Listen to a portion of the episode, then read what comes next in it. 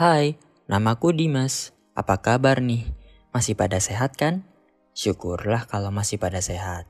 Jangan lupa cuci tangan, memakai masker, dan menjaga jarak ya jika di luar rumah. Sesuai judul nih, aku mau cerita ke kalian tentang pengalamanku pindah ekosistem dari Android ke iOS nih. Loh, kenapa kok pindah ekosistem mas? Ya entahlah, lagi bosen aja sama Android yang makin sini makin banyak iklannya.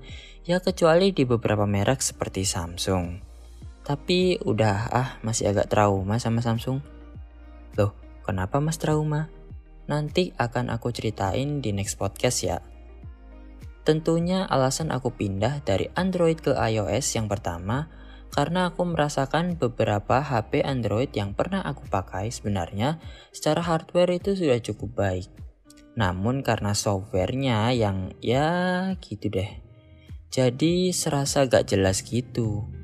Mulai dari ada iklannya lah, terus performa RAM 6GB yang kalah buat multitasking antara game Mobile Legend ke WhatsApp doang lah.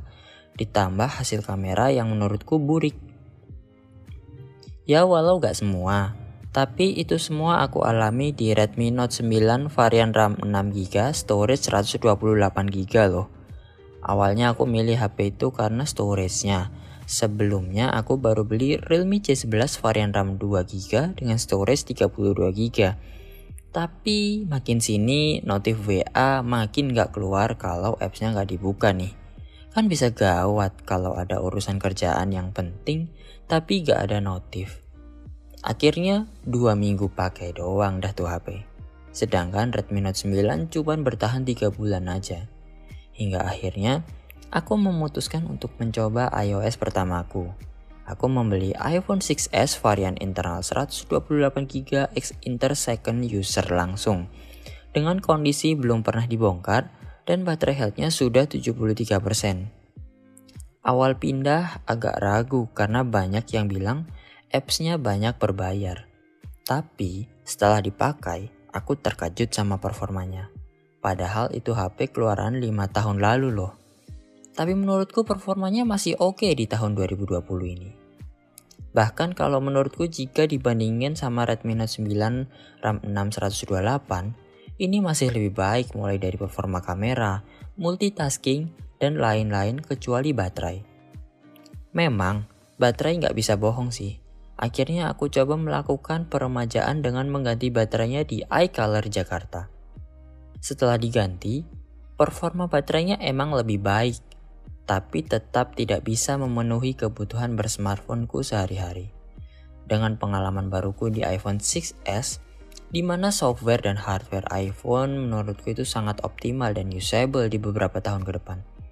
Akhirnya aku nekat memutuskan untuk membeli iPhone SE 2020 kondisi baru, garansi resmi. Aku berniat membelinya saat pulang kampung ke Sidoarjo. Selama dua hari mencari iPhone SE di Sidoarjo, serasa mencari pacar cantik dengan modal seadanya. Susahnya minta ampun. Dan memang bahkan sekelas era phone, itu aja kosong loh.